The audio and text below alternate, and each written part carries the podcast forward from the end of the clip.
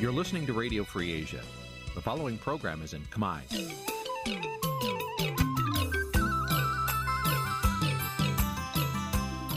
Nǐ chi càm bi tiệp xáy vệt chiu a zì sê ray នេះជាកម្មវិធីផ្សាយរបស់ Vithu Azisari ជាភាសាខ្មែរ វត្តឈូអាស៊ីសេរីសូមស្វាគមន៍លោកអ្នកនាងទាំងអស់ពីរដ្ឋធានី Washington នៃសហរដ្ឋអាមេរិក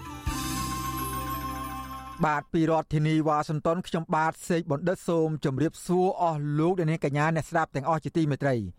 បាទយើងខ្ញុំសូមជូនកម្មវិធីផ្សាយសម្រាប់ព្រឹកថ្ងៃពុធ3រោចខែពិសាឆ្នាំខាលចត្វាស័កពុទ្ធសករាជ2566ត្រូវនៅថ្ងៃទី18ខែឧសភាគ្រិស្តសករាជ2022បាទជាដំបូងនេះសូមអញ្ជើញអស់លោកអ្នកនាងស្ដាប់ព័ត៌មានប្រចាំថ្ងៃដែលមានមេតិការដូចតទៅ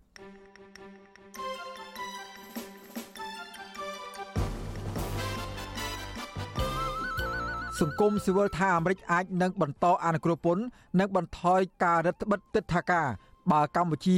កែលម្អស្ថានភាពនយោបាយឡើងវិញអតីតអ្នកគប់ស្បែកជើងលើលោកហ៊ុនសែនស្នើឲ្យលោកនាយករដ្ឋមន្ត្រីពិនិត្យមើលកំហុសខ្លួនឯងវិញរឿងគេគប់ស្បែកជើងលើលោកកម្មករនៅរោងចក្រ Kentheren គ្រោកដាក់ពាក្យទៅក្រសួងឲ្យរកដំណោះស្រាយនៅពេលដែលថៅកែបិទទ្វាររោងចក្រ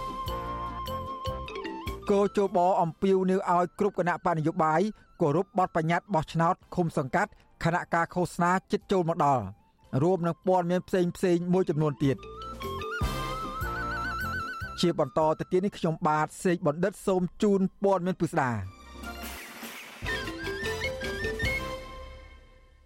បាទលោកអ្នកនាងកញ្ញាជាទីមេត្រីអ្នកតាមដានស្ថានភាពនយោបាយនិងមន្ត្រីអង្គការសង្គមស៊ីវិលជឿជាក់ថា សហរដ្ឋអាមេរិកអាចនឹងយល់ស្របចំពោះសំណើរបស់ក្រសួងការបរទេសបើរដ្ឋាភិបាលកម្ពុជាព្រមកែលម្អស្ថានភាពសិទ្ធិមនុស្សនិងប្រជាធិបតេយ្យឡើងវិញការលើកឡើងនេះគឺក្រោយពេលដែលរដ្ឋមន្ត្រីការបរទេសកម្ពុជាលោកប្រាក់សុខុនបានស្នើទៅភាគីអាមេរិកឲ្យបន្តសុពលភាពប្រព័ន្ធអនុគ្រោះពន្ធទូទៅហៅកាត់ថា GSP ដល់កម្ពុជា និងលុបចោលការរដ្ឋបិទទឹកថាការលើមន្ត្រីកម្ពុជា បាទពីរដ្ឋធានីវ៉ាស៊ីនតោន លោកយ៉ងច័ន្ទដារារាយការណ៍ជុំវិញព័ត៌មាននេះ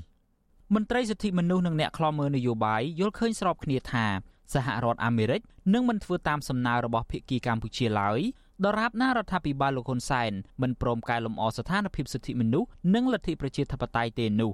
អ្នកនាំពាក្យសមាគមការពារសិទ្ធិមនុស្សអាត6លោកសឹងសែនករណាមានប្រសាសន៍ថា ស្ថានភាពសិទ្ធិមនុស្សនិងប្រជាធិបតេយ្យនៅកម្ពុជា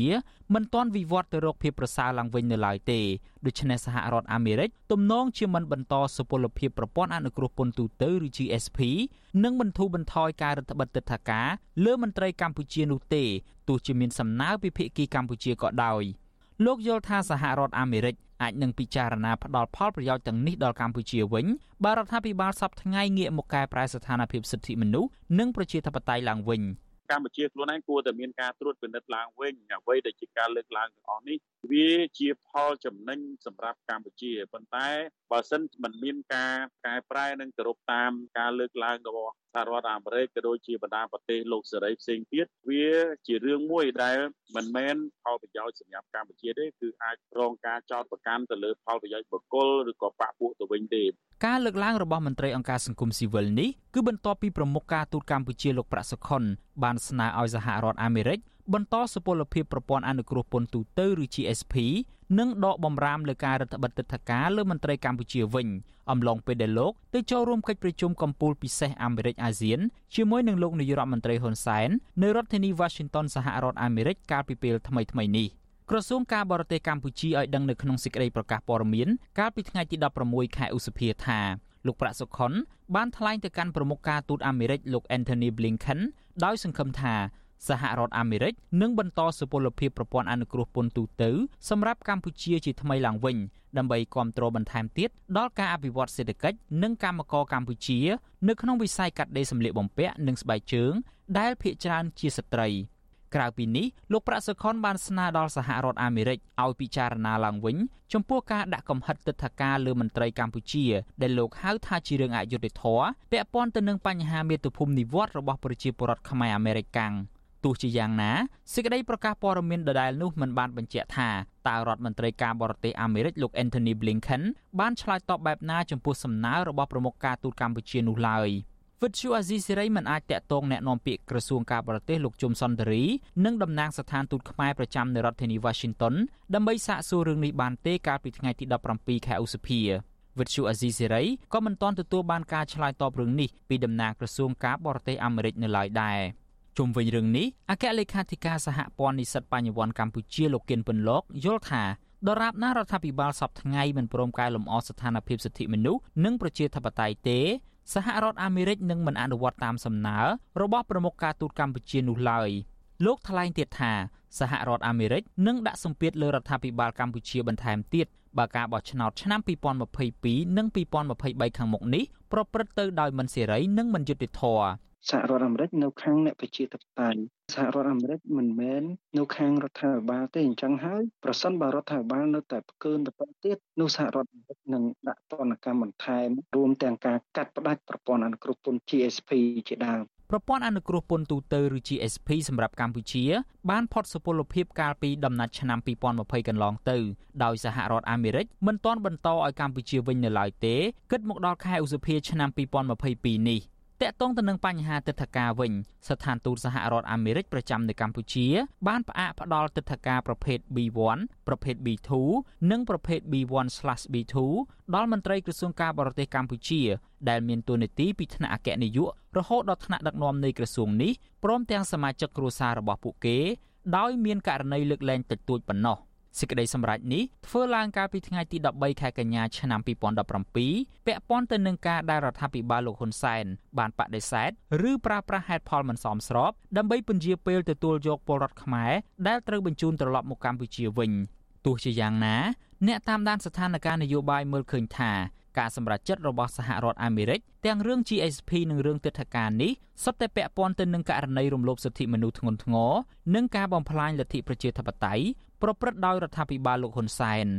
ខ្ញុំយ៉ងច័ន្ទដារាវិទ្យុអាស៊ីសេរីរាយការណ៍ពីរដ្ឋធានី Washington បាទលោកអ្នកនាងកញ្ញាជាទីមេត្រីលោកនាយករដ្ឋមន្ត្រីហ៊ុនសែនចាត់ទុកការគប់ស្បែកជើង លើរូបលោកអំឡុងពេលដែលជួបអ្នកគាំទ្រនៅសហរដ្ឋអាមេរិកថាជាអំពើហិង្សាប៉ុនប៉ងគិតទុកជាមុនលោកប្រកាសមិនយកទោសពៃចំពោះអ្នកគប់ស្បែកជើងនោះទេក៏ប៉ុន្តែលោកប្រមានទុកជាមុនថា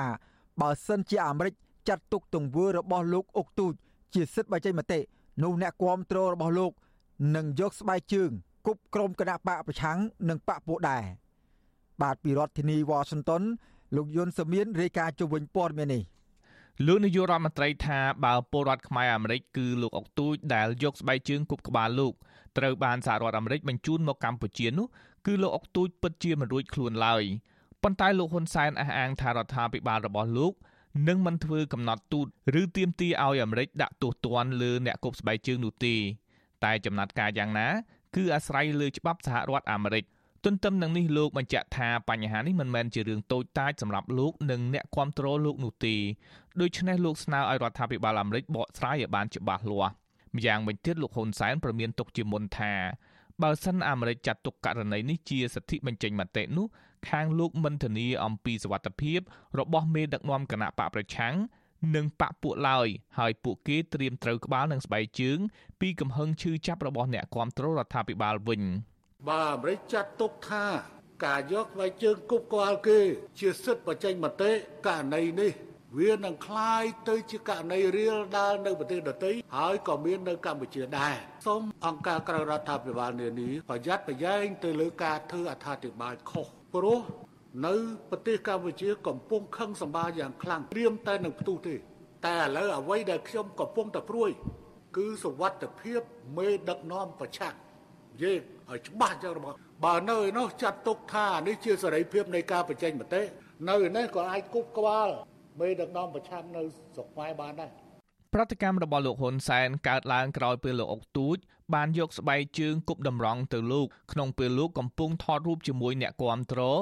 នៅមុនកិច្ចប្រជុំកំពូលពិសេសអាស៊ានអាមេរិកនៅរដ្ឋធានី Washington កាលពីសប្តាហ៍មុនពាក់ព័ន្ធទៅនឹងការយកស្បែកជើងគប់ក្បាលលោកហ៊ុនសែននេះ លោកអុកទូចអះអាងថាមូលហេតុដែលលោកយកស្បែកជើងគប់លោកហ៊ុនសែនគឺដោយសារតែលោកខឹងនឹងលោកហ៊ុនសែនសម្រាប់លទ្ធិប្រជាធិបតេយ្យការធ្វើទុកបុកម្នេញពលរដ្ឋជាច្រើនអ្នកដែលមិនគាំទ្រលោកអំឡុងពេលដែលលោកដឹកនាំប្រទេស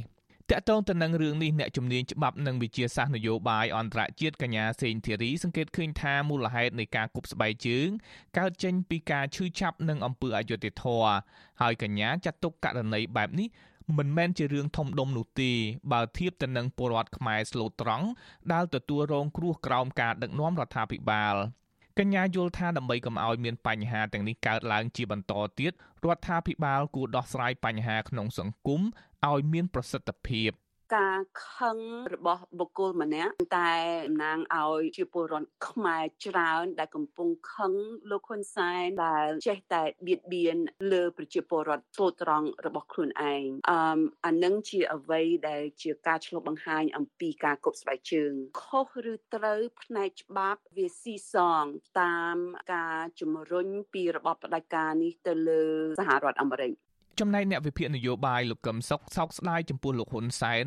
ដែលញុះញង់ឲ្យពលរដ្ឋខ្មែរស្អប់គ្នា ជាពិសេសប៉ះពាល់ដល់ទំនាក់ទំនងការទូតរវាងអាមេរិកនិងកម្ពុជា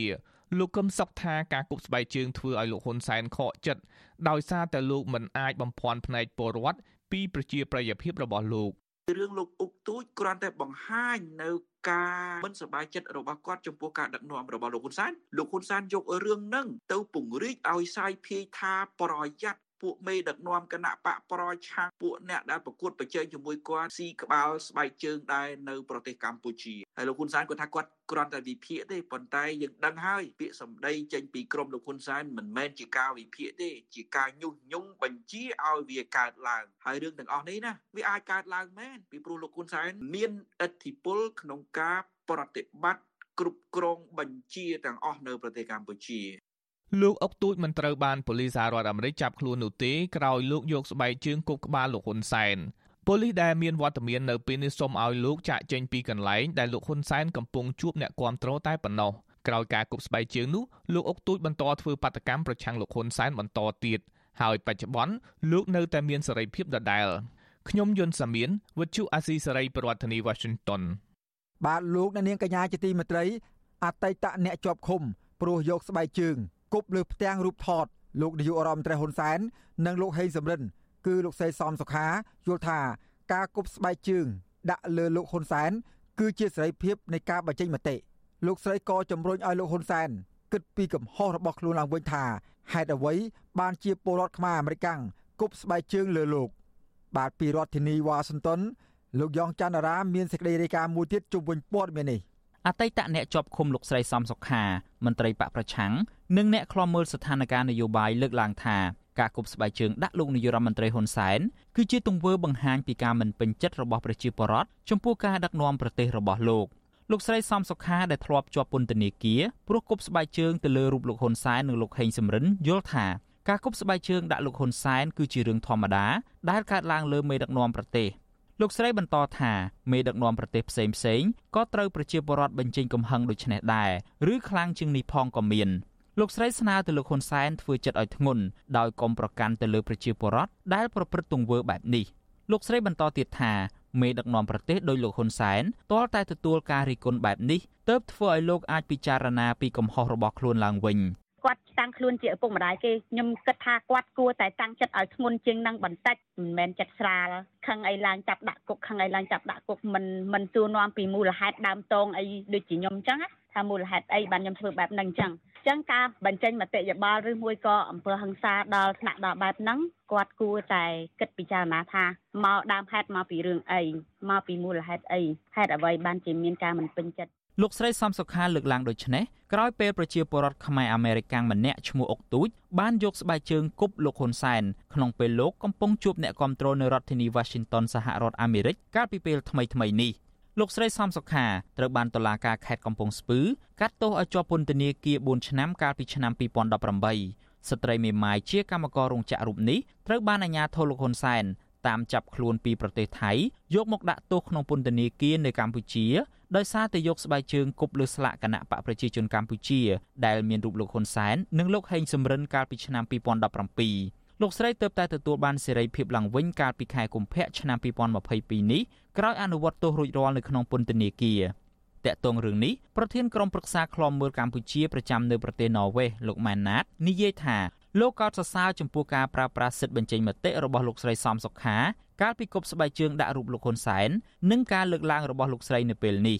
លោកយល់ថាប្រសិនបើប្រជាពលរដ្ឋសាមញ្ញគប់ស្បែកជើងដាក់ប្រជាពលរដ្ឋសាមញ្ញដូចគ្នានោះគឺជារូបភាពអសិលធម៌ក៏ប៉ុន្តែបើប្រជាពលរដ្ឋគប់ស្បែកជើងដាក់អ្នកដឹកនាំប្រទេសវិញនោះគឺជាសិទ្ធិបញ្ចេញមតិ បាទនិយាយពីការទូខុសត្រូវរបស់អ្នកនយោបាយអ្នកនយោបាយដែលធ្វើរឿងមិនត្រឹមត្រូវប្រជាពលរដ្ឋគេអាចខឹងសម្បាហើយសិទ្ធិបញ្ចេញមតិហ្នឹងអ្នកខ្លះគេបញ្ចេញមតិតាមរយៈធ្វើបាតកម្មលើសន្តិវិធីទៅខ្លះគេធ្វើកោតកម្មទៅអ្នកខ្លះគេគ្នាខឹងក្រេវក្រោតទប់មិនបានគ្នាក៏យកពេញពោះយកពងមន់ពងទាអីចឹងគប់ទៅអ្នកដឹកនាំចឹងទៅហើយដល់គ្នាវាមិនដឹងរកអីមិនទាន់គ្នាអាចយកស្បែកជើងគប់ចឹងដែរអញ្ចឹងសម្រាប់អ្នកអ្នកដឹកនាំប្រទេសអាហ្នឹងអត់មានត្រូវបន្ទោសប្រជាពលរដ្ឋទេ ចំណែកមន្ត្រីជាន់ខ្ពស់គណៈបកសង្គ្រោះជាតិលោកមនផល្លាដែលកំពុងភៀសខ្លួននៅក្រៅប្រទេសព្រោះការធ្វើទុកបុកម្នេញពីរដ្ឋាភិបាលលោកហ៊ុនសែនវិញលោកយល់ថារូបភាពនេះគ្មានកំហុសនោះទេលោកបន្តថាក្រោយទទួលរងភាពអាម៉ាស់នេះរួចហើយលោកហ៊ុនសែនគួរតែពិចារណាឡើងវិញអំពីកំហុសរបស់ខ្លួន និងឈានដល់ការបើកលំហសិទ្ធិសេរីភាពនិងប្រជាធិបតេយ្យឡើងវិញ ការគប់ស្បែកជើងថ្មីថ្មីនេះនៅតែរំលងក្បាលលោកហ៊ុនសែននៅសហរដ្ឋអាមេរិកនេះគឺក៏ដូចគ្នាគឺឆ្លោះបញ្ចាំងអំពីប្រជាជនខ្មែរមិនសប្បាយចិត្តចំពោះ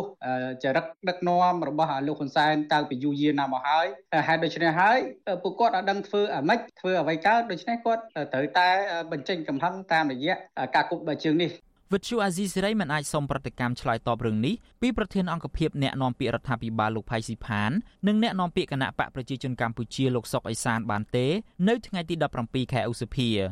ទោះជាយ៉ាងណាលោកនាយរដ្ឋមន្ត្រីហ៊ុនសែនដែលមិនអាចប្រើប្រាស់អំណាចរបស់ខ្លួនដើម្បីដាក់ទោសទណ្ឌទៅលើលោកអុកទូចត្បិតលោកអុកទូចមិនមែនរស់នៅលើទឹកដីកម្ពុជានោះបានប្រាប់ទៅសហរដ្ឋអាមេរិកថាគួរមានវិធានការផ្លូវច្បាប់ទៅលើលោកអុកទូច។ តើសាររដ្ឋអាមេរិកចាត់ទុកថានេះជាសិទ្ធិបញ្ចេញមតិឬក៏ជាហិង្សាខ្ញុំប្រាំផ្ញើទៅភាគីអាមេរិកខ្ញុំមិនបដៅអាមេរិកទេអាមេរិកត្រូវគិតឲ្យច្បាស់លើចំណុចនេះបើសិនជាអាមេរិកចាត់ទុកថារឿងនេះវាជាសិទ្ធិបញ្ចេញមតិប្រហែលជារឿងនេះនឹងកើត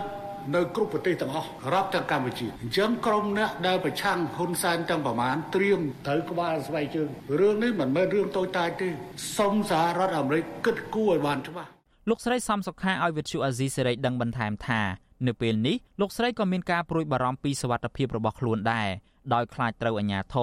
រឬក្រុមជ្រុលនិយមគ្រប់គ្រងលោកហ៊ុនសែនដែលមិនអាចទៅបញ្ចេញកំហឹងដាក់លោកអុកទូចបាននោះប៉ុន្តែបែរជាមកធ្វើបាបលោកស្រីដែលជាអ្នកធ្លាប់គប់ស្បែកជើងលើរូបលោកហ៊ុនសែននិងលោកហេងសំរិនទៅវិញ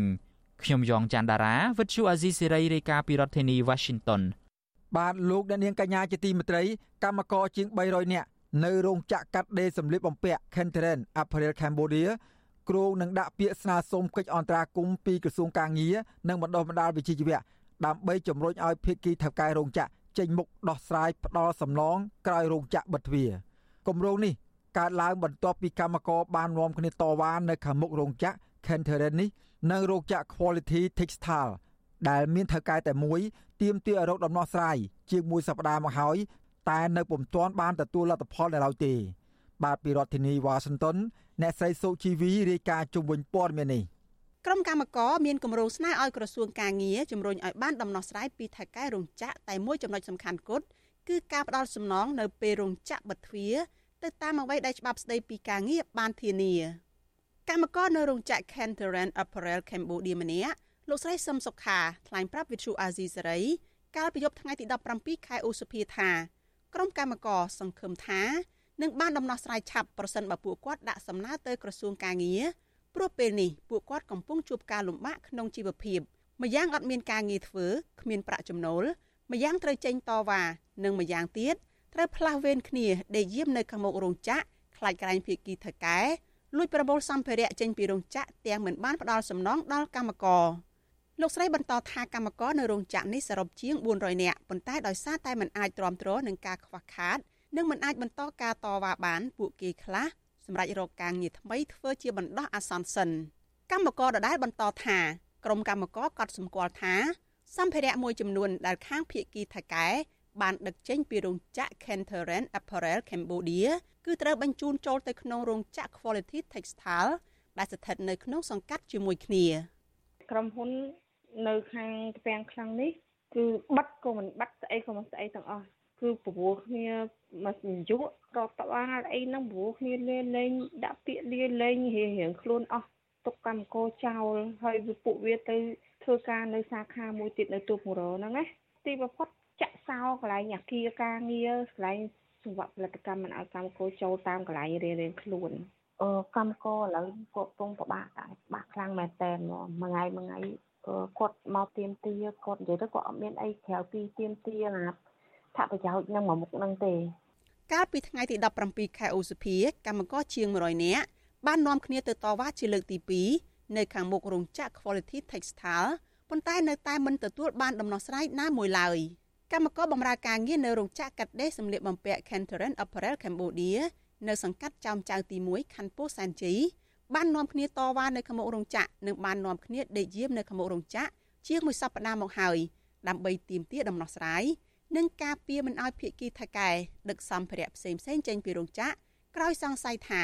ថកែរត់ចោលកម្មករដែលមិនបានទូទាត់សំណងតាមផ្លូវច្បាប់តកតងនឹងការទៀមទាសំណងនេះប្រធានសហភាពការងារកម្ពុជាលោកអាត់ធុនបញ្ជាក់ថាករណីរោគចាក់បិទទ្វារដោយមិនបានផ្ដល់ដំណឹង ក្រុមកម្មករអាចទទួលបានអត្ថប្រយោជន៍ចំនួន5ចំណុចដែលរួមមានប្រាក់ជូនដំណឹងប្រាក់ជំងឺចិត្តប្រាក់បណ្ដេញចេញប្រាក់ដំណាច់ឆ្នាំនិងប្រាក់ខែចុងក្រោយលោកថាករណីនេះដែរកម្មករអាចសូមអន្តរាគមន៍ពីក្រសួងបង្កើតអភិបាលបណ្ដោះអាសន្នដើម្បីទៅស្រោចស្រង់ក្រុមហ៊ុននោះប៉ុន្តែប្រសិនបើការស្រោចស្រង់ទៅមិនរួចទេទើបឈានដល់ការសម្រេចតាមផ្លូវតុលាការពេលនោះតុលាការនឹងសម្រេចលក់សម្ភារៈនៅក្នុងរោងចក្រ ដើម្បីផ្ដល់សំណងដល់កម្មករជាអតិភិបតែទោះជាយ៉ាងណាលោកអាត់ធុនលើកឡើងថាជាទូទៅនីតិវិធីតាមផ្លូវតុលាការចំណាយពេលវេលាយូរជាងការសម្រេចផ្ដល់ដំណោះស្រាយដោយផ្ទាល់ពីភាគីថៃកែក្រុមហ៊ុន ការជំនាញបញ្ជីដោយតុលាការនៅស្រុកខ្មែរហ្នឹងគឺថាមានបញ្ហាពេលវេលានិងបញ្ហាស្មានច្រើនចឹងហើយបានជាកម្មករគាត់ចង់ប្រើជំរើសមួយទៀតបើអាចទៅរួចខាងក្រុមហ៊ុនឬក៏ខាងក្រសួងឬក៏ខាងអ្នកពាក់ព័ន្ធអាចថាគេចេញមុខមកលក់សម្ភារៈហ្នឹងហើយចែកពួកគេបាននៅក្នុងកម្រិត មួយ5ចំណុចឬក៏តិចជាងហ្នឹងដែលគេយល់ឃើញថាអាចសមរម្យដែរជាការស្រាយតែម្ដងទោះបីអានេះមិនមែនទេវិធីតឡាការក៏ដោយក៏ប៉ុន្តែវាជាវិធីមួយដែលធ្លាប់ធ្វើទៅគឺវាជោគជ័យកាលពីខែមេសាកន្លងទៅក្រុមកម្មករជាង300នាក់បាននាំគ្នាបិទផ្លូវវែងស្រីម្ដងរួចមកហើយដើម្បីទាមទារឲ្យថៅកែគោរពសិទ្ធិការងារនិងត្រូវបញ្ឈប់រាល់ការដឹកជញ្ជូនសម្ភារៈទាំងឡាយចេញពីរោងចក្របើទោះបីជាកម្មករមានគម្រោងដាក់សំណើទៅខាងក្រសួងក្តី ក៏ពួកគេអះអាងថា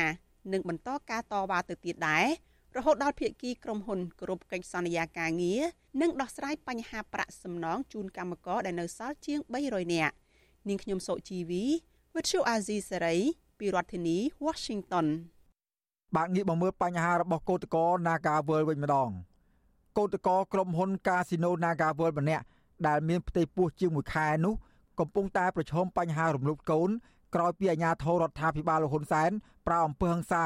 រុញច្រានបោកខ្ទប់ទៅនឹងរថយន្តពេលដែលលោកស្រីចេញមកតវ៉ាទាមទារឲ្យថៅកែបញ្ចប់ការរំលោភច្បាប់កម្ពុជា និងសិទ្ធិកម្មករនៅកន្លែងធ្វើការងារ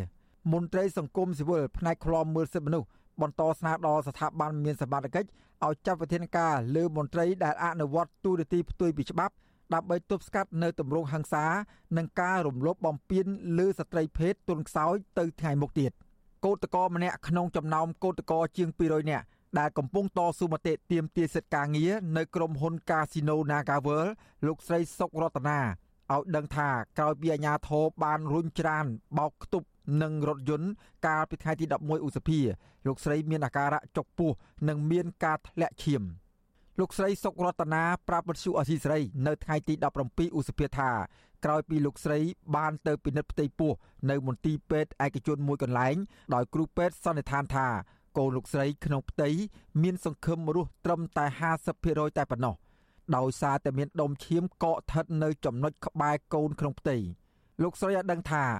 មុនមានបញ្ហាប្រឈមដល់កូនក្នុងផ្ទៃនេះ កាលពីថ្ងៃទី11ឧសភាអាជ្ញាធរបានរុញច្រានលោកស្រី ទាំងកំរោលបោកខ្ទប់ទៅនឹងរថយន្តក្រុង ក្នុងនោះអាជ្ញាធរនិងជនស៊ីវិលក៏បានប្រៅអំពើហិង្សាទាត់ធាក់ព្រមទាំងជេរប្រមាថលើកោតក្រដែលភ ieck ច្រើនជាស្ត្រី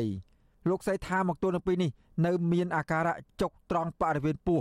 និងត្រូវតាមដានសុខភាពកូនក្នុងផ្ទៃពីសំណាក់គ្រូពេទ្យជាបន្តទៀត។ អញ្ចឹងឥឡូវហ្នឹងខ្ញុំទៅអេកូម្សិលមិញហ្នឹងគឺខ្ញុំបានធ្លាក់ឈាមពេលព្រឹកបន្ទាប់មកខ្ញុំក៏ទៅអេកូនៅពេទ្យខែសុខភាពអីចឹងទៅក៏តផលចេញមកហ្នឹងគឺ50 50បងមានន័យថាកូនខ្ញុំអាចអត់នៅ50អាចនៅ50ដោយសារតែក្នុងស្បូនខ្ញុំហ្នឹងវាមានឈាមខ្ញុំប៉ះពាល់តាំងពីថ្ងៃទី11ហ្នឹងម៉េះហើយខ្ញុំមានអារម្មណ៍ថាខ្ញុំឆ្អល់ឆ្អល់ប៉ុន្តែខ្ញុំអត់ចាប់អារម្មណ៍ថាវាប៉ះពាល់ដល់ថ្នាក់ហ្នឹងបងបើសិនជាកូនខ្ញុំមានបញ្ហាព្រោះអីចង់ឲ្យថាយើងជាស្ត្រីស្ត្រីក៏មានសិទ្ធិដែរក៏ជាមនុស្សដែរហើយអានេះមិនមែនមានចង់ឲ្យថាមិនមែនប្រអំពើហិង្សាតែលើខ្ញុំម្នាក់ឯងគឺប៉ះពាល់ដល់កូនខ្ញុំទៀតអញ្ចឹងខ្ញុំប្រហែលជាមានកម្រងប្តឹងចាបើសិនជាកូនខ្ញុំអត់នៅបងលោកស្រីសុករតនាចាត់ទុកចំណាត់ការរបស់អាជ្ញាធរថាកំពុងតែអនុវត្តផ្ទុយពីច្បាប់លោកស្រីបន្ថែមថា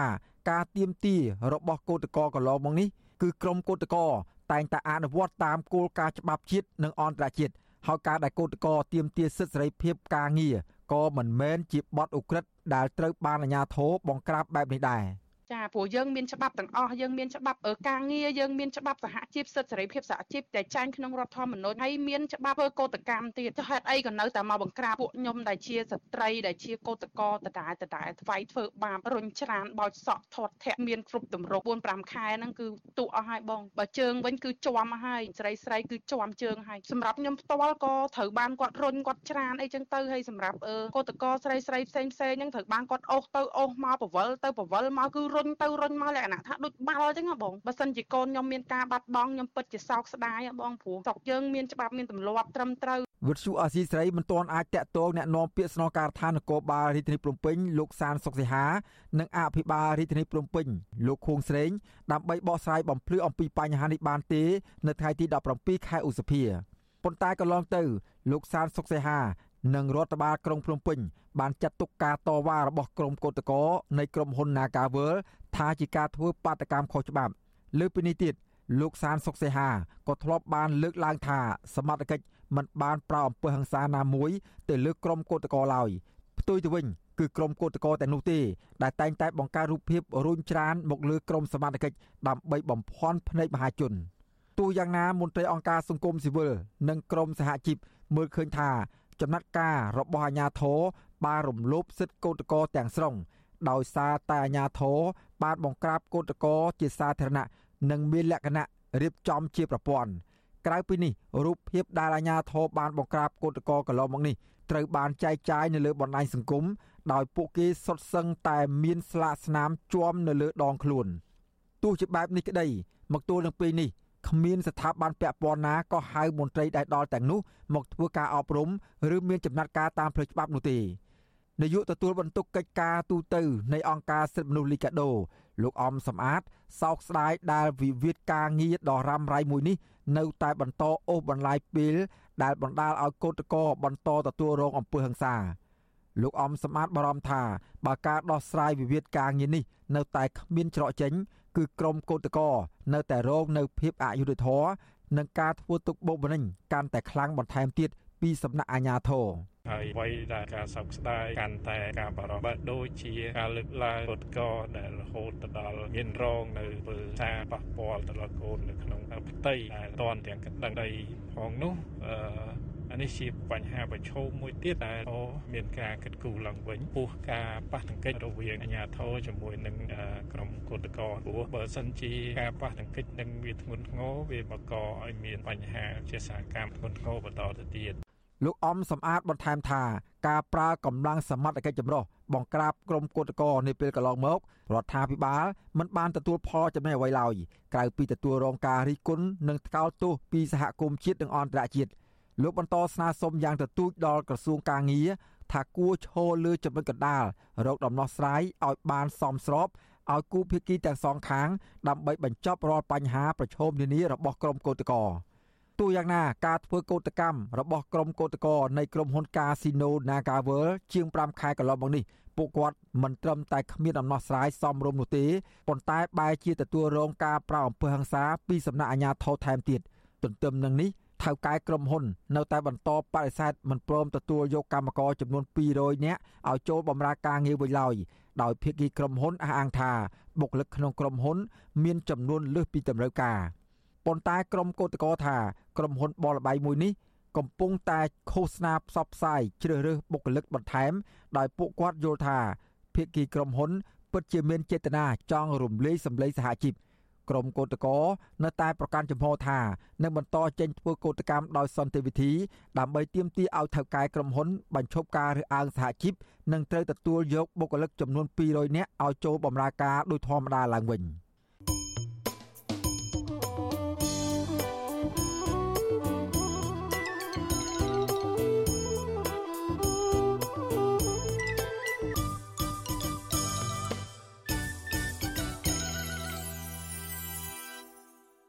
បាទលោកអ្នកនាងកញ្ញាជាទីមេត្រីពាក់ព័ន្ធនឹងដំណើរឆ្ពោះទៅរកការបោះឆ្នោតជ្រើសរើសក្រុមប្រឹក្សាឃុំសង្កាត់វិញម្ដងគណៈកម្មាធិការជ្រៀបចំការបោះឆ្នោតហៅកាត់ថាកោជប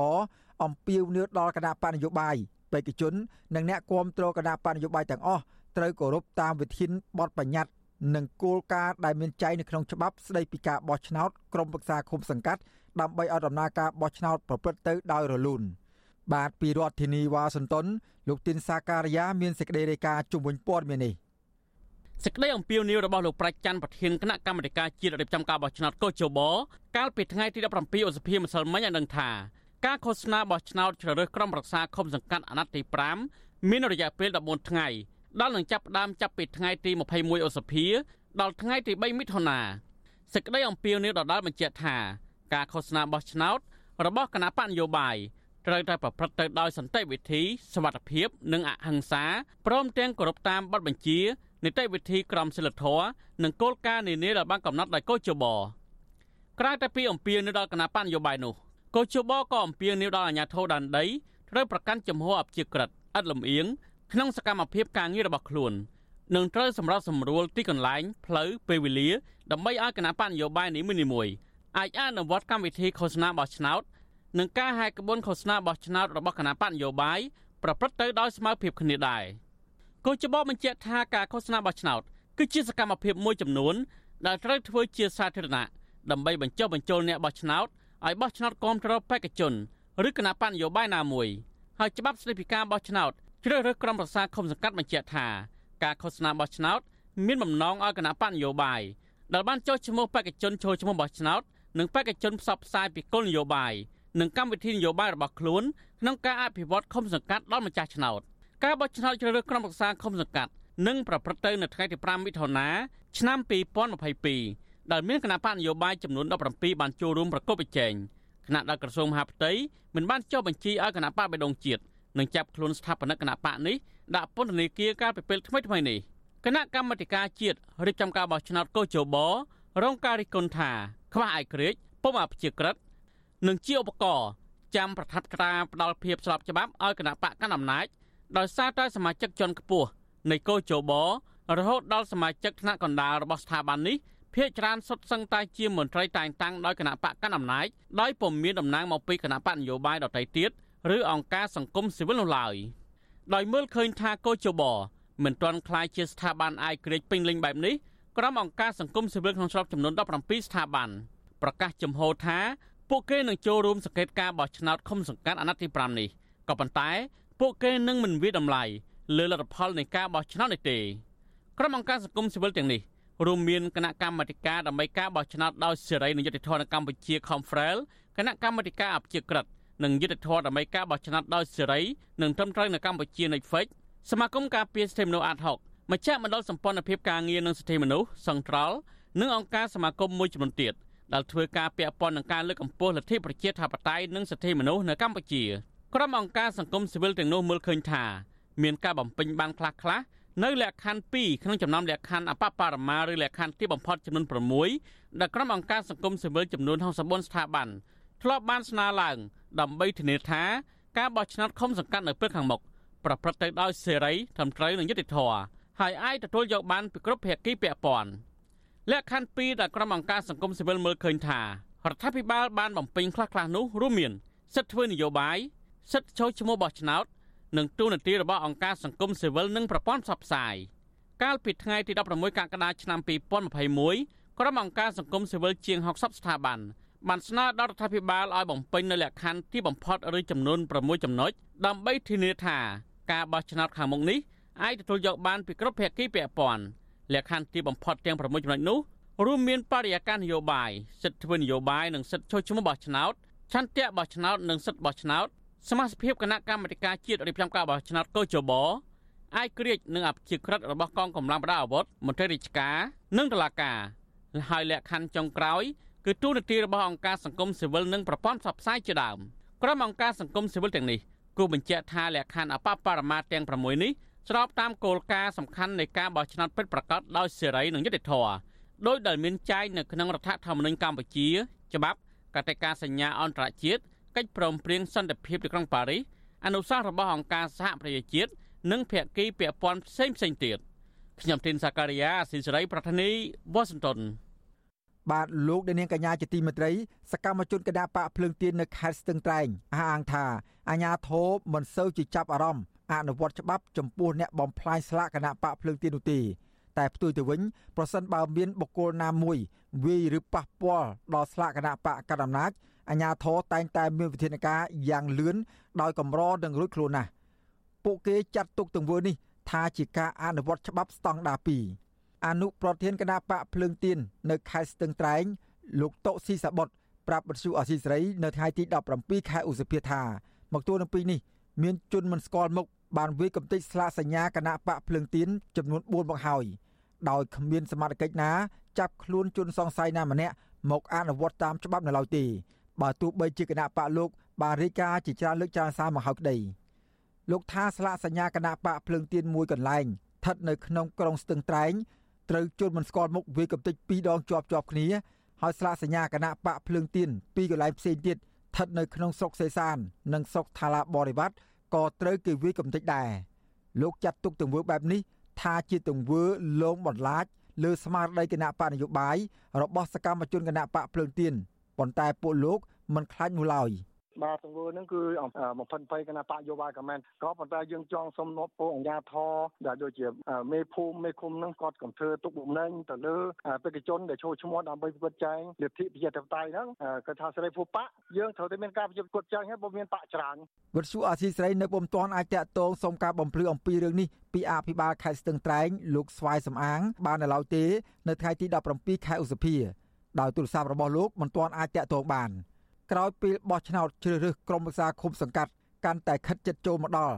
ទាំងលោកនាយករដ្ឋមន្ត្រីហ៊ុនសែននិងរដ្ឋមន្ត្រីក្រសួងមហាផ្ទៃលោកសខេងសុទ្ធតែបានណែនាំឲ្យអាជ្ញាធរថ្នាក់ក្រោមការពារសវត្ថិភាពបេក្ខជនចូលឈ្មោះបោះឆ្នោតឃុំសង្កាត់ និងបង្កបរិយាកាសឲ្យបានល្អ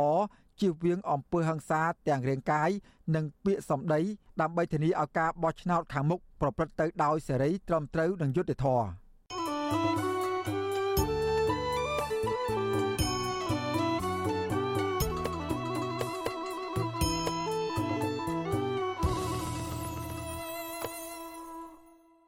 បាទលោកនាងកញ្ញាជាទីមេត្រីពាក់ព័ន្ធនឹងសកម្មភាពការពារបរិស្ថានព្រៃឈើវិញម្ដងប្រជាសហគមន៍ការពារព្រៃឈើខេត្តកំពង់ស្ពឺជិត300នាក់កាលពីថ្ងៃទី17ខែឧសភា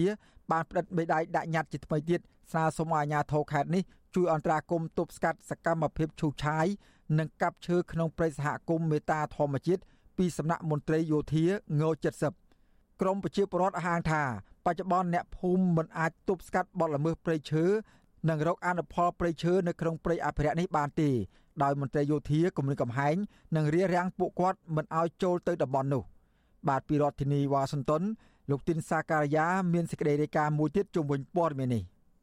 ប្រជាសហគមន៍ទាំងនោះរស់នៅក្នុងភូមិចំនួន3នៃឃុំត្រពាំងជោស្រុកអូរ៉ាល់ខកចិត្តដល់ដីព្រៃមេតាធម្មជាតិឬព្រៃសហគមន៍ម្ដំឆ្លៃពោះនៅតែទទួលរងការកាប់ឈើធំធំយ៉ាងកក្រឹកកក្រែងជារៀងរាល់ថ្ងៃបញ្ហានេះ ធ្វើឲ្យសត្វព្រៃខ្លះដែលកំពុងរស់នៅយ៉ាងសុខសាន្តក្នុងព្រៃសហគមន៍នេះរួមមានទោចមកុដស្វាខ្លាឃ្មុំ និងក្ងោកជាដើម បានផ្អើលទៅរស់នៅតំបន់ផ្សេងជាបណ្ដាបណ្ដាហើយតំណាងបរដ្ឋលោកខុនសរិទ្ធប្រាប់វិទ្យុអសិរ័យថាមន្ត្រីតំណាងឲ្យអាជ្ញាធរខេត្តនេះបានទទួលញត្តិពួកគាត់រួចហើយនៅព្រឹកថ្ងៃទី17ឧសភាដោយសន្យាថានឹងយកញត្តិនេះដាក់ជូនអភិបាលខេត្តពិនិត្យដើម្បីដោះស្រាយនៅពេលឆាប់ៗនេះ លោកបន្តថាបំណងរួមរបស់លោកចង់ឲ្យអាជ្ញាធរពន្លឿនទប់ស្កាត់គ្រឿងចាក់និងសកម្មភាពកាប់ឈើធំធំក្នុងតំបន់ព្រៃមេតាធម្មជាតិដែលកំពុងតែកើតមានយ៉ាងពេញទំហឹងធ្វើឲ្យព្រៃអភិរក្សមួយនេះកាន់តែរួមតូចនៅសល់មិនដល់50ហិកតា លោកអះអាងថាសកម្មភាពឈូសឆាយកំទេចព្រៃនេះដោយមានមន្ត្រីយោធាជាច្រើនអ្នកប្រដាប់ដោយអាវុធកាងការពារទាំងយប់ទាំងថ្ងៃដោយគម្រាមមិនឲ្យពលរដ្ឋចូលទៅតំបន់នោះទេខ្ញុំអត់យល់ដែរដឹងមិនអើក្នុងនឹងមាន ព្រះមានសាលាលោកធ្វើគ្រាន់តែសមាធិមកអីនឹងឥឡូវគេឈូសនៅខាងគេអស់អាសាលានឹងព្រះអីមិនដឹងគេឈូសបលុំឬក៏យ៉ាងម៉េចយើងអត់ហ៊ានចូលអញ្ចឹងបើស្អីសិតតែកភ្លើងដើរទៅគ្រាន់តែមានភ្ញៀវទៅលេងគាត់ចង់ទៅមើលព្រៃមើលសត្វអីដូចមុនមុនអញ្ចឹងដេញអត់ឲ្យចូលមើលបរដ្ឋនៅភូមិពោមាសឃុំត្រពាំងជោលោកស្រីវ៉ាន់ស្រីលាក់អះអាងដែរថាមន្ត្រីយោធាបានគម្រាមកំហែងរារាំងមិនឲ្យអ្នកភូមិចូលទៅខ្វៀលគោរកផ្សិតនិងរកអោស ក្នុងព្រៃអភិរក្សនេះជាង2ខែមកហើយធ្វើឲ្យអ្នកភូមិមិនសុខចិត្តអ្នកស្រីបន្តថាព្រៃនេះមានសារៈសំខាន់ណាស់បន្សល់ចុងក្រោយគេក្នុងតំបន់ពួកគាត់រស់នៅដោយមានលំនៅឋានបរដ្ឋព័ទ្ធជំវិញផ្ដល់ភាពងាយស្រួលឲ្យបរដ្ឋរកអនុផលព្រៃឈើខ្វៀលគោក្របីបេះបន្លាយផ្លែឈើនិងរកថ្នាំបុរាណជាពិសេសជាកន្លែងគោរពសក្ការៈបែបព្រះពុទ្ធសាសនារបស់អ្នករសាសិល កន្លែងហ្នឹងធ្លាប់អើយខ្វៀគោខ្វៀអីឥឡូវសុំបែបាត់គោក៏ខ្ញុំអត់ហ៊ានទៅរោដែររោគោរោបន្លែខៀវអីបាញ់សត្វតែបាញ់គម្រាមបាញ់ប្រហើគេយ៉ាងហ្នឹងហើយអើយកន្លែងហ្នឹងអ្នកស្រុកក៏គេប្រមូលផលដូចជាដកផ្សិតខែភ្លៀងអញ្ចឹងគេដកផ្សិតហើយបោចវ៉ារោអោសខ្វៀគោខ្វៀអីហ្នឹងពូចាឥឡូវហ្នឹងបាត់បងស្រុកហើយសុំបីតែបើពួកខ្ញុំទៅរោតែបន្លែស្លនក៏រោលេចបានដែរគេឲ្យដើរចូលនៅហ្នឹងមកឆ្លើយតបនៅរឿងនេះអភិបាលខេត្តកំពង់ស្ពឺលោកវីសំណាងប្រាប់វិទ្យុអសិរ័យថា លោកនឹងពិនិត្យញត្តិរបស់ពលរដ្ឋដោយសន្យាថានឹងកោះប្រជុំជាមួយមន្ត្រីពាក់ព័ន្ធជាបន្ទាន់ដើម្បីចុះស្រាវជ្រាវដោះស្រាយរឿងនេះលោកជំរុញឲ្យប្រសង់និងប្រជាសហគមន៍ត្រូវរាយការណ៍ទៅមន្ត្រីពាក់ព័ន្ធនៅជិតនោះបើសិនជាប្រទះឃើញបទល្មើសព្រៃឈើជាក់ស្ដែង។ ចាំខ្ញុំយកញត្តិមកមើលមកមើលហើយខ្ញុំកោះប្រជុំសិនញត្តិនេះវាតាក់ទងទៅនឹងការទន្ទ្រានកាន់កាប់ទៅកាប់កាប់ព្រៃឈើរបស់លោកអញ្ចឹងមកកាប់ព្រៃរបស់លោកគឺសូមឲ្យបងប្អូនដែលជួបប្រទះនឹងបទល្មើសហ្នឹងគាត់ទៅរាយការណ៍ដល់មន្ត្រីដែលនេះចិត្តនឹងបំផុតមានមន្ត្រីបរិស្ថានក៏ដោយមន្ត្រីរដ្ឋបាលព្រៃឈើក៏ដោយអាជ្ញាធរក៏ដោយឲ្យគាត់ទៅទប់ស្កាត់អាហ្នឹងមិនលឿនជាងកុំបាច់ចាំរកអន្តរាគមពីចម្ងាយទៅអ្នកភូមិចោទថាក្រុមទាហានង70បានយកឈ្មោះលោកហ៊ុនម៉ាណែតជាខ្នងបង្អាច ដើម្បីច្បាមយកព្រៃអភិរក្សនេះលក់ធ្វើអាជីវកម្មក្រោយពីទីផ្សារដីនៅតំបន់នោះឡើងតម្លៃខ្ពស់វិទ្យុអសិរ័យមិនអាចតតងសំកាំបំភ្លឺពីរឿងនេះពីលោកហ៊ុនម៉ាណែតបាននៅឡើយទេ នៅថ្ងៃទី17ឧសភានេះតំណាងសហគមន៍លោកសោយសាទព្រួយបារម្ភថាសកម្មភាពឈូសឆាយនិងកាប់ឈើធំធំមិនទាន់បានផ្អាកសកម្មភាពនេះនៅឡើយទេបើទោះបីជាអ្នកភូមិជិត1000នាក់បានលើកគ្នាតវ៉ាទាមទារអរដ្ឋាភិបាល ដោះស្រាយរឿងនេះជាច្រើនលើកច្រើនសារមកហើយក្តីលោកសង្កត់ធ្ងន់ថាពួកលោកនឹងវិច្ចបង្វិចនឹងស្បៀងអាហារដើម្បីធ្វើដំណើរទៅតាវ៉ាជាទ្រង់ទ្រាយធំនៅរាជធានីភ្នំពេញជាថ្មីទៀតប្រសិនបើគ្មានដំណោះស្រាយទេនោះកាលពីសប្តាហ៍មុនប្រជាសហគមន៍ជិត1000នាក់បានលើកគ្នាតវ៉ានៅក្រសួងដែនដីនគររូបនីយកម្មដើម្បីទាមទារឲ្យរដ្ឋាភិបាលលុបគម្រោងកាត់ជ្រឿលដីព្រៃសហគមន៍មេតាធម្មជាតិទំហំជិត300ហិកតាជំវិញនឹងរឿងនេះ ប្រធានអង្គការប្រឆាំងអំពើពុករលួយទប់ស្កាត់ការបំផ្លាញធនធានធម្មជាតិនិងការពារសិទ្ធិពលរដ្ឋលោកជាហ៊ានដែលចុះអង្កេតរឿងនេះសង្កេតឃើញថាការឈូសឆាយដីព្រៃនិងកាប់ឈើធ្វើអាជីវកម្មក្រោមរបៀបផ្ដាល់ដីសម្បត្តិសង្គមគិច្ចបង្កប់ភាពមិនប្រក្រតីជាច្រើនរដ្ឋាភិបាល គួរតែពិនិត្យឡើងវិញព្រោះគម្រោងនេះប៉ះពាល់ប្រៃឈើបន្សល់ចុងក្រោយដែលអ្នកភូមិនិងព្រះសង្ឃខំថែទាំជាង25ឆ្នាំមកហើយលោកអះអាងថាបរិណនៅបននោះ អន់ចិត្តចំពោះទង្វើនេះហើយពួកគេកំពុងដេកយំស្ដាយប្រៃប្រក្សានៅជិតភូមិកំណើតរបស់ពួកគាត់កំពុងប្រឈមនឹងការបាត់បង់ទាំងអស់រាជរដ្ឋាភិបាលឬអន្តរក្រសួងគួរតែចុះត្រួតពិនិត្យទីតាំងជាក់ស្ដែងហើយនឹងធ្វើរបាយការណ៍ស្នើសុំទៅរដ្ឋាភិបាលរំលាយឬនិរាកររាល់លិខិតទាំងអស់ដែលមានភាពមិនប្រក្រតីនឹងឡើងវិញ ប្រជាសហគមន៍បន្ថែមថាកន្លងទៅរដ្ឋាភិបាលបានចេញអនុក្រឹត្យ កាត់ជ្រឿលដីព្រៃមេតាធម្មជាតិទំហំ78ហិកតាដើម្បីផ្ដាល់ដីសម្បត្តិសង្គមគិច្ចចែកជូនគ្រួសារកងទ័ពប៉ុន្តែធៀបពិតពំនួចឆ្នាំនោះទេព្រោះដីព្រៃដែលកាត់ជ្រឿលទាំងនោះបែរជាคล้ายជាកម្មសិទ្ធិរបស់មេតាហាន2នាក់ទៅវិញពួកគាត់ទទូចឲ្យលោកហ៊ុនសែនពិនិត្យពីគម្រោងផ្ដាល់ដីសម្បត្តិសេដ្ឋកិច្ចនេះឡើងវិញព្រោះមន្ត្រីយោធាមួយចំនួនកំពុងតែផូតផូតថ្នាក់ដឹកនាំដើម្បីច្បាមយកដីព្រៃអភិរក្សលួចចែកគ្នា ព្រៃមេតាធម្មជាតិគឺជាផ្នែកមួយនៃដែនជម្រកសត្វព្រៃភ្នំអូរ៉ាល់ហើយត្រូវបានចុះបញ្ជីទទួលស្គាល់ជាព្រៃអភិរក្សពីក្រសួងបរិស្ថានកាលពីឆ្នាំ2002ព្រៃសហគមន៍មួយនេះមានផ្ទៃដីប្រមាណជា2000ហិកតាប៉ុន្តែបច្ចុប្បន្នកាន់តែរួមតូចនៅសល់តែជាង800ហិកតាប៉ុណ្ណោះដោយសារមានការរំលោភបំពានយកជាបន្តបន្ទាប់ពីក្រុមហ៊ុនឯកជននិងឈ្មួញខលខូចមួយចំនួន បន្ថែមពីនេះក្រោយពីរដ្ឋាភិបាលបានចេញអនុក្រឹត្យកាត់ជ្រឿលដីព្រៃសហគមន៍នេះបន្ថែម ទំហំជិត300ហិកតា កាលពីឆ្នាំមុននឹងធ្វើឲ្យព្រៃអភិរក្សនេះបាត់បង់ស្ទើរតែទាំងអស់ព្រៃសហគមន៍នេះមានសត្វព្រៃកម្រជាច្រើនប្រភេទរស់នៅរួមមានទោចខ្លាឃ្មុំស្វាក្ងោកមន់ព្រៃឆ្លុះក្តាន់និងស្វាជាដើមខ្ញុំទីនសាការីយ៉ាអសិរ័យប្រធានីវ៉ាស៊ីនតោនបាទពាក់ព័ន្ធនឹងពលករចំណាក់ស្រុកនៅក្នុងប្រទេសថៃនៅវិញពលករខ្មែរនិងអង្គការសង្គមស៊ីវិល ព្រួយបារម្ភអំពីការបាត់បង់ឱកាសក្នុងការសិក្សារៀនសូត្ររបស់កុមារកម្ពុជា នៅពេលដែលពួកគេធ្វើចំណាក់ស្រុកតាមឪពុកម្ដាយមកធ្វើការងារនៅក្នុងប្រទេសថៃក្តីបារម្ភនេះកើតមានឡើងដោយសារតែមានកុមារខ្មែរជាច្រើនអ្នកទៅរស់នៅតាមឪពុកម្ដាយនៅក្នុងប្រទេសថៃដោយមិនបានចូលរៀននៅតាមសាលាឡើយបាទពីរដ្ឋធានីវ៉ាស៊ីនតោនលោកសនច័ន្ទរដ្ឋារាយការណ៍ជុំវិញព័ត៌មាននេះប្រជាប្រដ្ឋខ្មែរមួយចំនួនបានចាក់ចែងពីស្រុកកំណើតរបស់ខ្លួន ដោយនាំយកកូនទាំងទុយទាំងធំទៅធ្វើការជាមួយដោយសារគ្មានអ្នកមើលថែនៅស្រុកកំណើតកូនកូនពលករខ្លះកាន់តែធំហើយគ្មានលទ្ធភាពនាំកូនចូលសាលារៀននៅប្រទេសថៃនោះទេពលករនីខ្មែរម្នាក់ធ្វើការនៅប្រទេសថៃជាង10ឆ្នាំនៅជាក្រុងបាងកកវ័យ42ឆ្នាំមកពីស្រុកសេរីសុផនខេមរៈមន្ជ័យលោកស្រីចៅខណ្ឌយ៉ាបានប្រាប់វិទ្យុអេស៊ីសេរីថ្ងៃទី16ខែសុភាថានៅកន្លែងធ្វើការលោកស្រីមានកុមារច្រើនអ្នកណាជួយធ្វើការងារពុកម្ដាយនៅកន្លែងធ្វើការនោះ ដែលមិនបានទៅរៀនសូត្រនោះទេលោកស្រីបារម្ភពីអនាគតកុមារទៅនោះថានឹងក្លាយទៅជាជនមិនចេះអសរហើយក្លាយជាពលករលោកកម្លាំងនៅប្រទេសថៃដោយឪពុកម្ដាយរបស់ពួកគេមួយនឹងរៀនដែរតែដល់ពេលវាចាប់កូវីដចឹងទៅអត់បានទៅរៀនក៏រៀននៅឆយ6តែបានបានចូលរៀនតែពេលឥឡូវវាអត់បានរៀនព្រោះអីវាកូវីដតអត់បានរៀនស្រដៀងគ្នានេះពលករនេះខ្មែរម្នាក់ទៀតគឺជាមេការនៃក្រុមហ៊ុនមកពេញបែបបទធ្វើឯកសារតតកា ជូនដល់ពលករខ្មែរឡាននៅភូមិនៅក្រុមអាកោគឺលោកស្រីហ៊ីមដាវីបានប្រាប់វិទ្យុអាស៊ីសេរីថាកុមារកម្ពុជាច្រើនអ្នកបានជួយធ្វើការងារពុកម្ដាយនៅប្រទេសថៃលោកស្រីបន្ថែមថាលោកស្រីក៏ធ្លាប់នាំកូនឲ្យជួយការងារដែរក៏ប៉ុន្តែលោកស្រីបានភ្ញាក់រលឹកតាមពេលវេលាទើបនាំកូនចូលរៀនវិញនៅប្រទេសថៃលោកស្រីស្នើដល់រដ្ឋាភិបាលកម្ពុជានិងថៃបើកបង្រៀនភាសាខ្មែរដល់កូនខ្មែរដែលទៅតាមប្រពន្ធម្ដាយនៅប្រទេសថៃដើម្បីឲ្យពួកគេបានចេះដឹងភាសាកំណើតរបស់ពួកគេ។ ខ្លះទៅមកធ្វើបាត់ជាមួយមកធ្វើបាត់ធ្វើការជាពលករនៅប្រទេសថៃហ្នឹងគាត់អត់គ្រប់អាយុទេគាត់អត់គ្រប់អាយុទេក៏យកមកធ្វើការនៅប្រទេសថៃហ្នឹងពេលយើងស្ដាក់ពាក្យធ្វើបាត់បើយើងអត់គ្រប់18អត់គ្រប់18ទេគេអត់អត់ធ្វើបាត់ឲ្យយើងទេជួនកាលក៏បំពេញបំពេញអាយុថែមឲ្យគ្នាគ្រប់18អញ្ចឹងគ្នាបានធ្វើមានกระดาษធ្វើការអញ្ចឹងណាដើម្បីកុំឲ្យប៉ូលីសថៃចាប់តែប៉ូលីសថៃចាប់គាត់ចាប់យកច្រើនច្រើនណាជួនកាលអាចចាប់ផងជូនទៅខ្មែរវិញអញ្ចឹងណា ពលករនីខ្មែរមកពីកម្ពុជាមន្ជ័យធ្វើការនៅប្រទេសថៃ4ឆ្នាំគឺលោកស្រីថេងជាបានប្រាវវិទ្យុអេស៊ីសរ៉ៃថាលោកស្រីមកបានបញ្ជូនកូនទៅសាលារៀនទេដោយសារលំបាកក្នុងការធ្វើឯកសារលោកស្រីបញ្ជាក់ថាលោកស្រីមិនចេះអក្សរហើយមិនសូវចេះភាសាថៃទៀតទើបសម្រេចចិត្តបន្នាំកូនទៅរៀនសាលាថៃម្យ៉ាងទៀតមិនដឹងតាក់ទងចុះឈ្មោះកូនចូលរៀនតាមរបៀបណា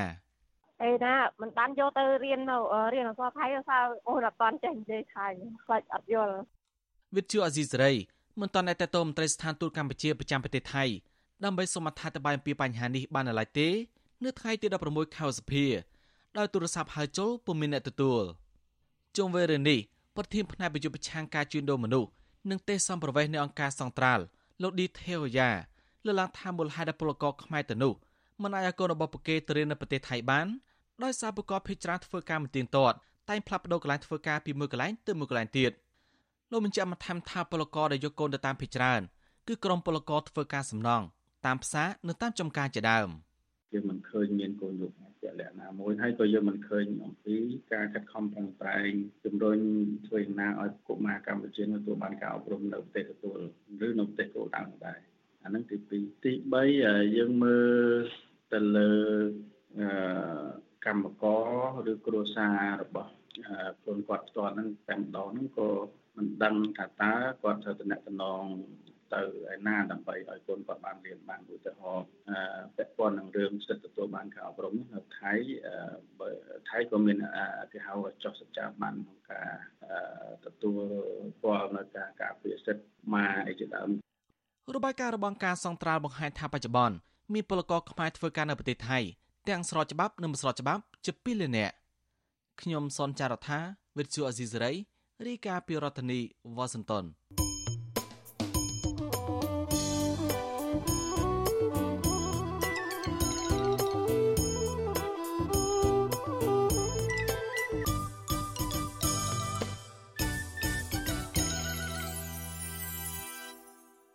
បាទលោកអ្នកនាងកញ្ញាជាទីមេត្រីគណៈបកនយោបាយមួយចំនួនអះអាងថាពួកគេបានត្រៀមខ្លួនរួចរាល់ហើយដើម្បីធ្វើយុទ្ធនាការឃោសនារោគសម្លេងឆ្នោត រយៈពេល14ថ្ងៃសម្រាប់ការប្រគល់ប្រជែងដណ្ដើមយកអាសនៈក្រុមប្រឹក្សាឃុំសង្កាត់អាណត្តិទី5ដើម្បីទទួលបានការគាំទ្រពីម្ចាស់ឆ្នោតមន្ត្រីអង្គការសង្គមស៊ីវិលអំពាវនាវដល់អាជ្ញាធរនិងកោជបត្រូវបង្កបរិយាកាសល្អដល់គ្រប់គណៈបកនយោបាយក្នុងយុទ្ធនាការឃោសនារោគសម្លេងឆ្នោតនៅចុងសប្តាហ៍នេះបាទពីរដ្ឋធានីវ៉ាស៊ីនតោនលោកមានរិទ្ធរាយការណ៍ជុំវិញព័ត៌មាននេះ គណៈបកនយោបាយមួយចំនួនដែលបានដាក់បេក្ខជនឈរឈ្មោះបោះឆ្នោតឃុំសង្កាត់អាណត្តិទី5នេះលើកឡើងថាពួកគេបានត្រៀមផែនការសកម្មភាពសម្ភារៈនិងថវិកាសម្រាប់យុទ្ធនាការឃោសនាបោះឆ្នោតជ្រើសរើសក្រុមប្រឹក្សាឃុំសង្កាត់រួចជាស្រេចហើយពីព្រោះថាការឃោសនារោគសម្លេងឆ្នោតនេះគឺជាចំណុចមួយដ៏សំខាន់ដែលអាចឲ្យគណៈបណ្ឌនយោបាយកើនប្រជាប្រិយភាពបានអ្នកនាំពាក្យគណៈបកកណ្ដាលអំណាច លោកសុកអេសានលើកឡើងថាគណៈបកប្រជាជនកម្ពុជា មានបទពិសោធន៍គ្រប់គ្រាន់ក្នុងការរៀបចំយុទ្ធនាការឃោសនាបោះឆ្នោតស្របតាមគោលការណ៍ច្បាប់និងគោលនយោបាយឃុំសង្កាត់របស់គណៈបកសម្រាប់ឆ្នាំ2022ដល់ឆ្នាំ2027ដែលផ្ដោតលើគ្រប់វិស័យរួមមានលទ្ធិប្រជាធិបតេយ្យនិងសិទ្ធិមនុស្សជាពិសេសគោលនយោបាយភូមិឃុំមានសុវត្ថិភាព លោកបញ្ជាក់ថាគណៈបកប្រជាជនកម្ពុជា បានដាក់ចេញនូវសកម្មភាព មានដូចជាការហែកក្បួនចំនួន2ដង គឺនៅថ្ងៃចាប់ផ្ដើមនិងនៅថ្ងៃចុងបញ្ចប់នៃយុទ្ធនាការឃោសនាបោះឆ្នោតបានត្រៀមវាគ្មិនចូលរួមជាមួយគណៈកម្មាធិការជាតិរៀបចំការបោះឆ្នោតហៅកាត់ថាកោចបនិងអង្គការក្រៅរដ្ឋាភិបាល ហើយមានវីដេអូសម្រាប់ចាក់តាមប្រព័ន្ធផ្សព្វផ្សាយព្រមទាំងបានណែនាំដល់សកម្មជននៅតាមមូលដ្ឋានឲ្យរៀបចំតុបតែងទីស្នាក់ការគណៈបក និងចែកសិភៅកម្មវិធីនយោបាយរបស់បកផងដែរឆ្លងកាត់រយៈពេលដែលយើងដឹកនាំប្រទេសហ្នឹងគឺថាវាមានជួបបញ្ហាអីនៅមូលដ្ឋានយើងលើកបញ្ហាហ្នឹងដើម្បីបង្ហាញប្រជាពលរដ្ឋជាម្ចាស់ឆ្នោតឲ្យមើលឃើញអំពីការរីកចម្រើនការជឿនលឿននៃគោលនយោបាយកម្មវិធីនយោបាយរបស់គណៈបកឲ្យតាមរយៈការអនុវត្តកម្មវិធីនយោបាយកន្លងទៅនេះតើបំផុចលទ្ធផលជាផ្លែផ្កាយ៉ាងម៉េចខ្លះចំណែកឯអនុប្រធាននឹងជាអ្នកនាំពាក្យគណៈបកភ្លើងទៀន លោកថាសិដ្ឋាថ្លែងថាបើទោះបីសកម្មជនរបស់គណៈបកលោកទទួលរងនឹងការគំរាមកំហែងស្ទើរតែគ្រប់រូបភាពពីសំណាក់អាជ្ញាធរយ៉ាងណាក៏ដោយក្តី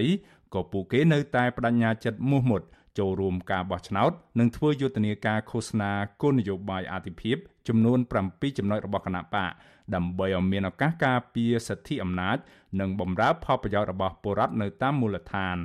លោកលើកឡើងថាគណៈបករបស់លោកនឹងរៀបចំយុទ្ធនាការហែកក្បួនទ្រង់ទ្រាយធំតាមដងផ្លូវនៅក្នុងរាជធានីភ្នំពេញនិងបណ្ដាខេត្តនៅទូទាំងប្រទេសរួមទាំងរៀបចំសកម្មភាពចាក់មីក្រូតាមភូមិ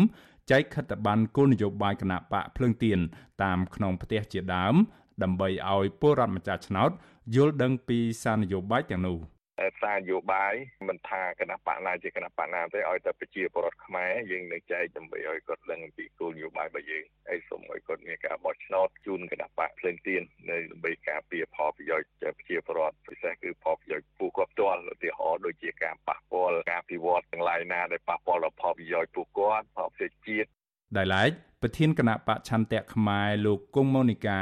លើកឡើងថាគណៈបករបស់លោកបានណែនាំដល់សកម្មជនមូលដ្ឋានឲ្យត្រៀមផ្សព្វផ្សាយនៅគោលនយោបាយទាំង7ចំណុចដែលមេឃុំគណៈបកកណ្ដាលអំណាចមិនបានយកចិត្តទុកដាក់ដោះស្រាយអំពីក្តីកង្វល់របស់ពលរដ្ឋនៅតាមមូលដ្ឋាននាពេលកន្លងមកលោកបញ្ជាក់ថានៅក្នុងអំឡុងពេលនៃយុទ្ធនាការឃោសនាបោះឆ្នោតខាងមុខនេះខាងលោកបានជ្រើសរើសយកផែនការសកម្មភាពចុះជួបម្ចាស់ឆ្នោតនៅតាមឃុំសង្កាត់ ដែលគណៈបកឆន្ទៈខ្មែរបានដាក់បេក្ខជន ដោយមិនបានហាយក្បួនទ្រង់ទ្រាយធំនោះទេ ពីព្រោះលោកយល់ថាពុំមានប្រសិទ្ធភាពដល់អ្នកបោះឆ្នោតយើងបានយល់ណែនាំអំពីគោលនយោបាយទាំងអស់នោះដើម្បីពួកគាត់អាចជ្រាបនៅគោលនយោបាយរបស់យើងនិងជំហរនយោបាយរបស់គណៈបច្ឆន្ទៈខ្មែរដែលជាគោលថ្មីដើម្បី ឲ្យប្រជាពលរដ្ឋសាធារណជនបានជ្រាបតែយើងនៅអនុវត្តនៅយុទ្ធសាស្ត្រឃោសនាចូលពីផ្ទះមួយទៅផ្ទះមួយជួបយល់ប្រជាពលរដ្ឋអំពីអ្វីដែលយើងនឹងធ្វើជូនគាត់នៅពេលដែលយើងជាប់ឆ្នោតនោះយើងគិតថាវាជាយុទ្ធសាស្ត្រមួយដែលវាមានប្រសិទ្ធភាពជាង ស្រដៀងគ្នានេះដែរប្រធាននាយកដ្ឋានកិច្ចការបោះឆ្នោតនៃគណៈបកកម្ពុជានិយម លោកយីសីហាថ្លែងថាគណៈបករបស់លោកបានត្រៀមសារនយោបាយសម្ភារៈបច្ចេកទេសនិងមធ្យោបាយផ្សេងទៀតសម្រាប់យុទ្ធនាការឃោសនាបោះឆ្នោត រយៈពេល14ថ្ងៃរួចហើយលោកសង្ឃឹមថាតាមរយៈសមត្ថភាពបេក្ខជន និងសកម្មភាពហែកក្បួន ការចាក់មីក្រូ និងការចែកចាយខិត្តប័ណ្ណគោលនយោបាយរបស់គណៈបក ដែលឆ្លុះបញ្ចាំងអំពីតម្រូវការរបស់ពលរដ្ឋជាក់ស្ដែងនៅតាមមូលដ្ឋាននោះគណៈបករបស់លោកនឹងទទួលបាននូវការគ្រប់គ្រងសម្រាប់ការបោះឆ្នោតឃុំសង្កាត់នាពេលខាងមុខនេះ យុទ្ធនាការឃោសនាបោះឆ្នោតរយៈពេល14ថ្ងៃនេះចំពោះគណៈបកកម្ពុជានិយមចាត់ទុកថាវាពិតជាមានសារៈសំខាន់ណាស់សម្រាប់គណៈបកក្នុងការផ្សព្វផ្សាយអំពីគោលនយោបាយរបស់គណៈបកដើម្បីទទួលបានការគ្រប់គ្រងពីសំណាក់ម្ចាស់ឆ្នោតដើម្បីឲ្យបេក្ខជននៃគណៈបកកម្ពុជានិយមនៅតាមឃុំសង្កាត់នីមួយៗទទួលបានឱកាសក្នុងការចូលរួមចំណែកនៅក្នុងការអភិវឌ្ឍនៅប្រទេសជាតិរបស់ខ្លួនយុទ្ធនាការឃោសនារោគសម្លេងឆ្នោតរបស់គណៈបញ្ញយោបាយខាងមុខនេះ មានរយៈពេល14ថ្ងៃ ដែលនឹងចាប់ផ្ដើមពីថ្ងៃទី21ខែឧសភា រហូតដល់ថ្ងៃទី3ខែមិថុនាឆ្នាំនេះច្បាប់បោះឆ្នោតអនុញ្ញាតឲ្យគណៈបណ្ឌនយោបាយហាយក្បួនទ្រង់ទ្រាយធំចំនួន2ដងប៉ុណ្ណោះក្នុងមួយឃុំសង្កាត់ហើយករណីចំនួនរថយន្តពី2គ្រឿងនិងម៉ូតូ10គ្រឿងឬម៉ូតូ20គ្រឿងឡើងទៅ គឺចាត់ទុកថាគណៈបណ្ឌនយោបាយហាយក្បួនជុំវិញរឿងនេះអ្នកនាំពាក្យគណៈកម្មាធិការជាតិរៀបចំការបោះឆ្នោតលោកហងពធា ប្រាវិសុយស៊ីស្រីនៅព្រឹកថ្ងៃទី16ខែឧសភាថារយៈពេល14ថ្ងៃនៃយុទ្ធនាការឃោសនាបោះឆ្នោតនេះគឺជាសមត្ថកិច្ចរបស់គូជបដែលទទួលបន្ទុកទទួលខុសត្រូវលោកបន្តថាគណៈបញ្ញយោបាយត្រូវជូនដំណឹងទៅគណៈកម្មាធិការឃុំសង្កាត់រៀបចំការបោះឆ្នោតដោយសហការជាមួយអាជ្ញាធរដែនដីដើម្បីសម្របសម្រួលទីកន្លែងសាធារណៈនិងពេលវេលាជាក់លាក់ លោកអំពីវនីវដល់គណៈបញ្ញយោបាយនិងអាជ្ញាធរដែនដីត្រូវអនុវត្តតាមក្រមសីលធម៌តាមច្បាប់ដើម្បីបញ្ជៀសនៅអំពើហិង្សានានាហើយប្រសិនបើគណៈបញ្ញយោបាយទទួលរងនឹងការរំលោភបំពានណាមួយនោះពួកគេអាចដាក់ពាក្យបណ្ដឹងតាមនីតិវិធីបានកោជបសូមលើកឡើងនៅការអភិវនីវសូមឲ្យមានការសហការល្អរវាងមន្ត្រីចាត់ការបោះឆ្នោតរវាងអាជ្ញាធរដែនដីនិងគណៈបកនយោបាយជាពិសេស គឺធ្វើយ៉ាងណាអនុវត្តដោយការមិនប៉ះពៀឬក៏ដោយហិង្សារវាងគ្នាជុំវិញរឿងនេះនាយកប្រតិបត្តិអង្គការឃ្លាំមើលការបោះឆ្នោតនៅកម្ពុជាហៅកាត់ថា Netflix លោកសំគុណធីមី មានប្រសាសន៍ថាការដែលគណៈបណ្ឌនយោបាយប្រកាសយកគោលនយោបាយមកប្រកួតប្រជែងគ្នាបែបនេះគឺជារឿងល្អនៅក្នុងសង្គមប្រជាធិបតេយ្យក៏ប៉ុន្តែលោកថាប្រសិនបើការបោះឆ្នោត កើតឡើងក្រោមរូបភាពនៃការគំរាមកំហែងការទិញទឹកចិត្តអ្នកបោះឆ្នោតវិញនោះនោះនឹងធ្វើឲ្យប៉ះពាល់ដល់ដំណើរការនៃការបោះឆ្នោតប្រកបដោយភាពសេរីត្រឹមត្រូវនិងយុត្តិធម៌ ទោះយ៉ាងណាលោកសំគុណធីមីថាអង្គការសង្គមស៊ីវិលបានដាក់ភ្នាក់ងារសង្កេតការការបោះឆ្នោតរបស់ខ្លួនដើម្បីតាមដានជុំវិញដំណើរការនៃការបោះឆ្នោតនេះផានផតកម្មវិធីនយោបាយបបកហ្នឹងមកកាលណាគាត់ជាប់ឆ្នោតគាត់មានចំណុចអីខ្លះទៅត្រូវបំរើធ្វើឲ្យអភិវឌ្ឍនៅសហគមន៍ឲ្យដំណើរការមូលដ្ឋានហ្នឹងរលូនតាំងពីការងាររដ្ឋបាលការងារអីអភិវឌ្ឍអីទាំងអស់ការរស់នៅប្រជាពលរដ្ឋវាជាចម្រើនការងារក្នុងការដឹកនាំ ការបោះឆ្នោតជ្រើសរើសក្រុមប្រឹក្សាឃុំសង្កាត់អាណត្តិទី5នេះនឹងប្រព្រឹត្តទៅនៅថ្ងៃអាទិត្យទី5ខែមិថុនាឆ្នាំនេះក្នុងនោះគណៈបណ្ឌនយោបាយសរុបចំនួន17គណៈបកបានចូលរួមប្រគួតប្រជែងដណ្ដើមយកអាសនៈសមាជិកក្រុមប្រឹក្សាឃុំសង្កាត់នៅទូទាំងប្រទេសសរុបចំនួនជាង10000អាសនៈហើយប្រជាពលរដ្ឋជាង9លាន2សែននាក់បានចុះឈ្មោះនៅក្នុងបញ្ជីបោះឆ្នោតខ្ញុំបាទមេរិត Visual C ស្រីរាយការណ៍ពីរដ្ឋធានី Washington